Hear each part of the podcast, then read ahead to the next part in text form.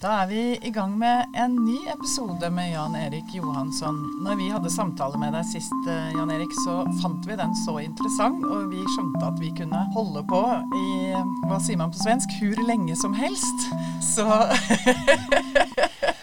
Sånn at vi eh, har lyst til å, å lage en ny episode eh, rundt litt annen tematikk som du, du, tar opp i den nye boka di, og syns det hadde vært spennende å, å, å, komme litt tettere inn på tre områder som du skriver spesielt om. Og det er reformer, kartlegging og privatisering. Jeg tenker at jeg overlater spørsmålet til deg, Øystein. Ja, du beskriver jo da reformer, kartlegging og privatisering som, eh, som tre måter som barnehagene blir styrt på.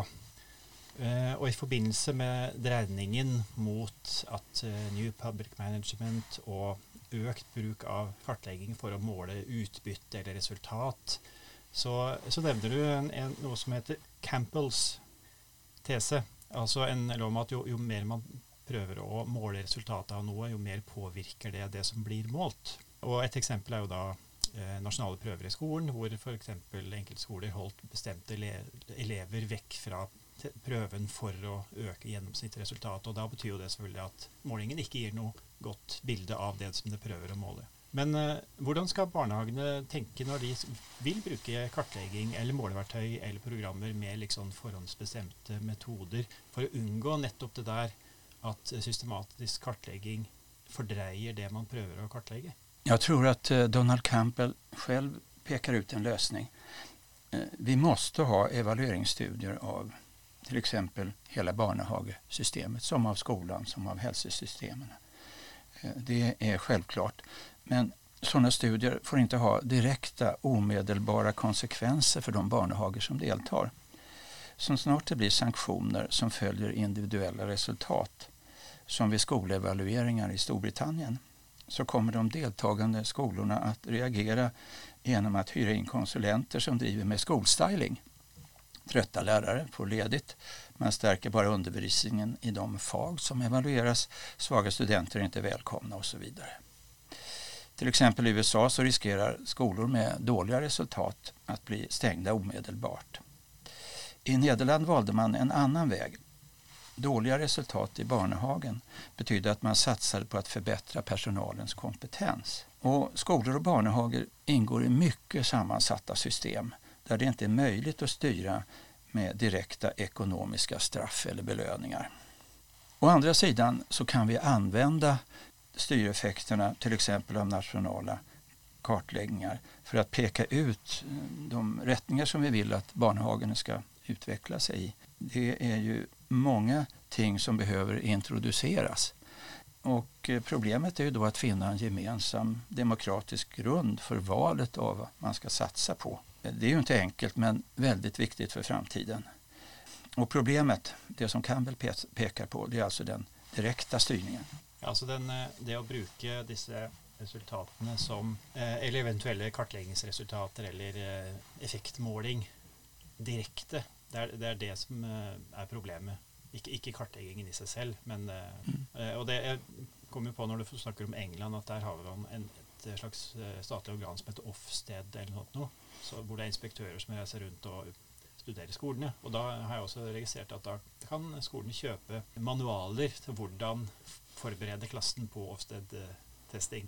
Og da, da, kan man snakke om teach to the test som helt bokstavelig. Og det blir jo da et eh, bevis på at Campbells eh, tese er helt korrekt. Det er ingen merkverdige saker. Så gjør vi alltid. Vi anpasser oss efter ytre, ytre trykk.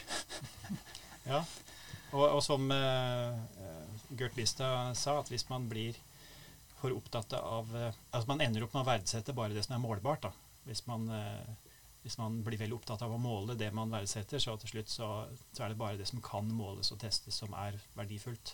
For alt det andre blir helt hvis vi skal gå over, eller eh, kikke litt på det, det med, med, privatisering, som du skriver som en måte barnehagen blir styrt på. Vi har jo en kollega her på Oslo som heter Hanne Fjendale, som har skrevet doktoravhandling om private barnehager.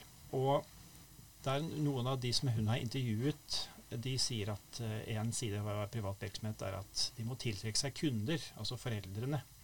Og at det gjør at de må liksom reklamere med litt sånn ekstra goder og deltjenester i barnehagene som som Liksom heiskort i, eh, om vinteren og eh, kongekrabbe til eh, lunsj og egen kokk og sånn.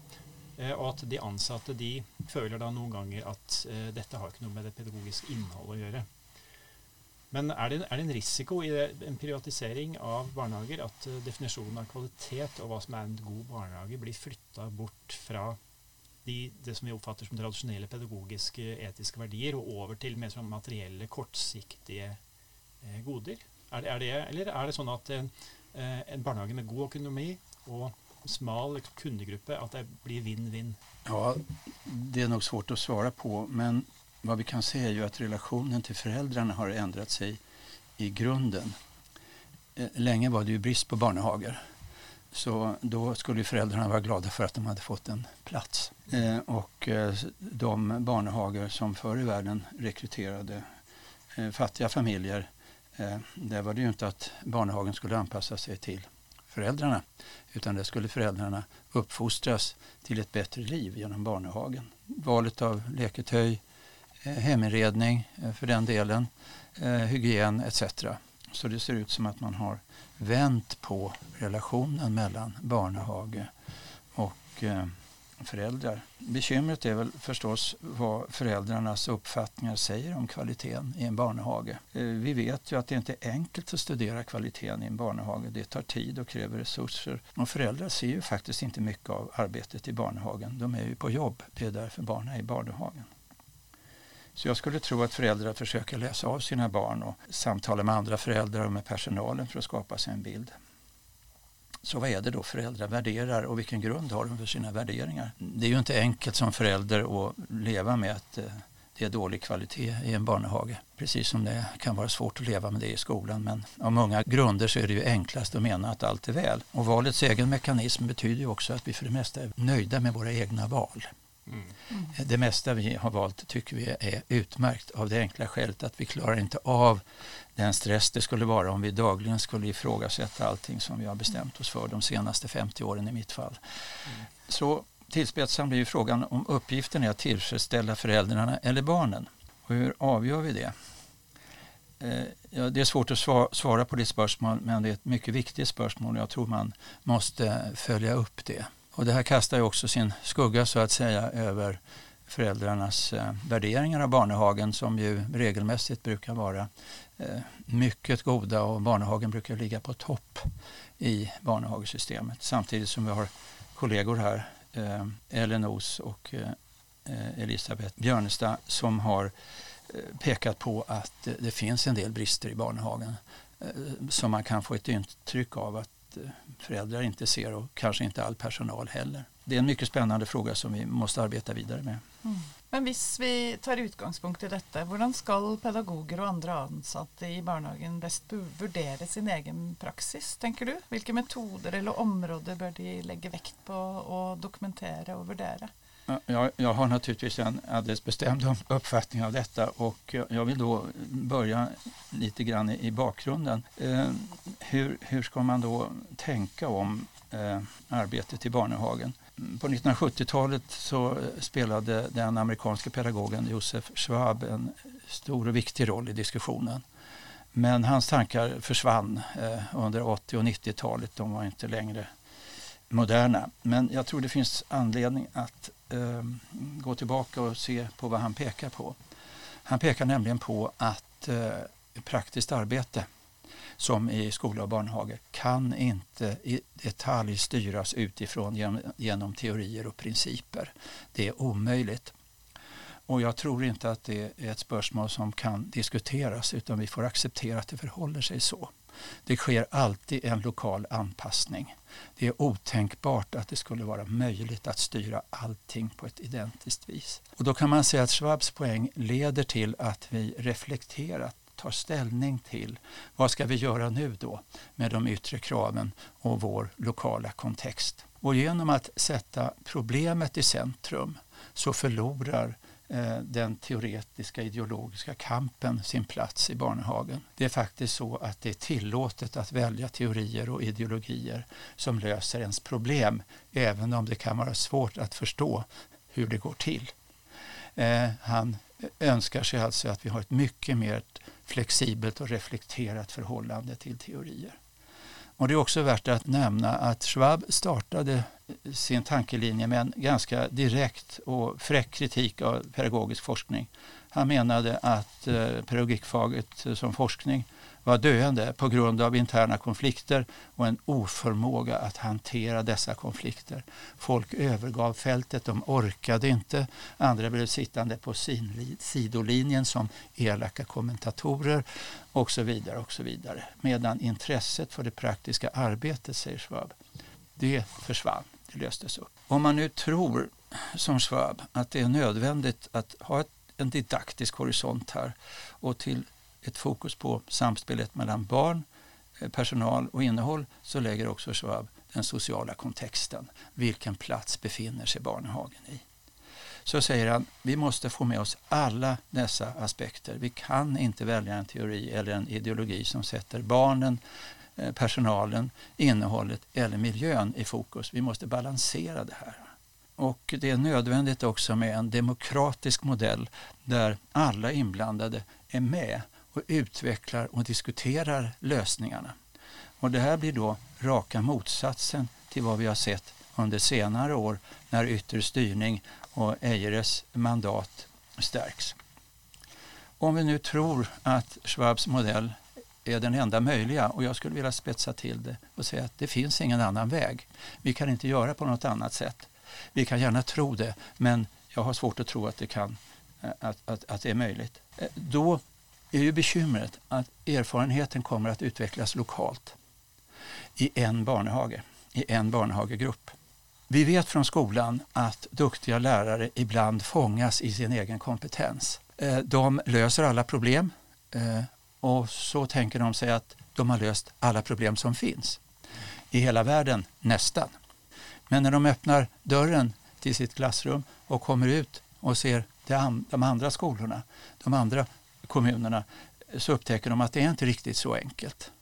Det är ett steg från den egna lokala eh, erfarenheten till eh, det som kan brukas av andra. Och då är det ju en aspekt hos Barnehagen som vi ofta glömmer bort, eh, som är extremt viktig i det här fallet. Och det är att förskollärare, barnhagelärare arbetar tillsammans och ser varandra i arbete. Det gör nästan inga andra lärare. Och Det gör att det finns en så god förutsättning för att bygga eh, den privata erfarenheten till eh, e-, en kollektiv kunskap. Eh, men hur ska man då förpacka de här sakerna? Eh, det har dokumenterats mycket och diskuterats ännu mer dokumentation i Barnehagen under de senaste decennierna. Och bekymret är att eh, dokumentation i allmänhet lätt leder till att det bara blir mängder med dokumentation. Det finns två amerikanska exempel på det här. Ett är från början av 1900-talet i vad man kallade Child Study Movement då mödrar skulle observera sina barn. Man samlade in hur mycket information som helst men den gick inte att hantera, inte minst därför att den ju var bunden till mödrarnas egna horisonter. Vad var det egentligen som man skulle kunna studera? Senare när barnhagen börjar utvecklas i USA på 1960-talet i projektet Head Start så gör man en otroligt stor evaluering av detta projekt. Om jag minns rätt så hade man 70 000 intervjuer. Och där dör man datadöden så att säga. Mm. Det finns ingen som helst möjlighet att hantera de här datamängderna. Det visade sig vara omöjligt. Och jag skulle tro att en sådan risk också finns när det gäller dokumentation. Jag vill därför föreslå att man använder sig av traditionella vägar för att dokumentera vad man gör i barnehagen. Eh, case studies är ju en vanlig metod i läkarvetenskapen, i eh, rättsvetenskapen men också i många andra vetenskaper när man studerar en lokal situation och dokumenterar den. Fördelen med case studies är att de är så att säga fria i förhållande till vetenskapsteoretiska antaganden och till vilka metoder man använder etc. Det är alltså mer ett fokus på det lokala och att man dokumenterar det. Men för att då rädda sig kanske ur det här problemet med att det blir alltför utflytande så skulle jag föreslå att vi går tillbaka till Fröbel och för in ett didaktiskt perspektiv. Eh, det är ju mycket vanligt i skolan så det är ju på intet sätt originellt men ändå att man börjar med att säga att nu ska vi se på barn, vi ska se på personal och vi ska se på, eh, på innehållet eh, och med Schwabs poäng i en social kontext. Och för det andra, för att sluta denna långa presentation av mig, eh, så eh, eh kan vi här föra in den kategoriala danningen, nämligen gå in och se vad får barnen med sig av det didaktiska arbetet. Vad får de med sig för ord och begrepp? Hur tänker de och vad, och vad tänker de om? På det viset skulle vi eh, snäva in dokumentationen till ett smalare område. Och detta är bara ett exempel. Jag kan tänka mig att det finns hur många exempel som helst. Och då trängs ju ett samarbete mellan förskollärare, mellan barnehagar, mellan barnhagelärarutbildning och barnhageforskning. Och eh, hur det ska kunna utvecklas, ja, det tänker inte jag försöka svara på. Eh, I denne utvalget av både dokumentasjonsprogrammer och kartläggningsverktøy og alt sånt, så är det ju noen ganger tenke seg at det må jo være liksom en god intention bak dette. Det må være god hensikt. Men jeg vet at du også du har et godt eksempel på at gode intensjoner kan føre til dårlige resultater, og dårlige intensjoner kan føre til gode.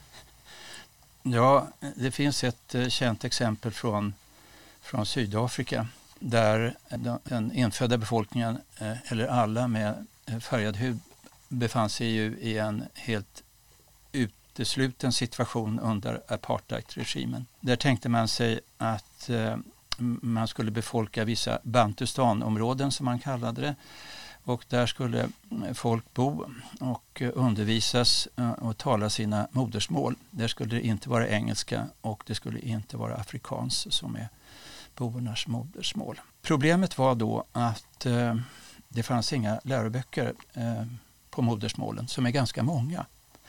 Eh, då valde man lösningen att översätta de eh, läroböcker som fanns för de eh, vita boerbarnen så att säga.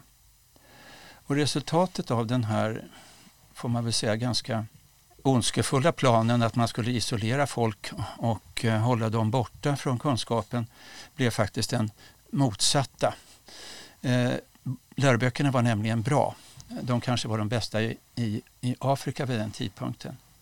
Och de blev dessutom översatta till deras modersmål, eh, vilket var en mycket radikal språkpolitik eftersom Eh, undervisningsspråket i Afrika är ett mycket stort problem eftersom de flesta barn kommer från familjer som inte talar det språk som det undervisas i, till exempel i Mosambik.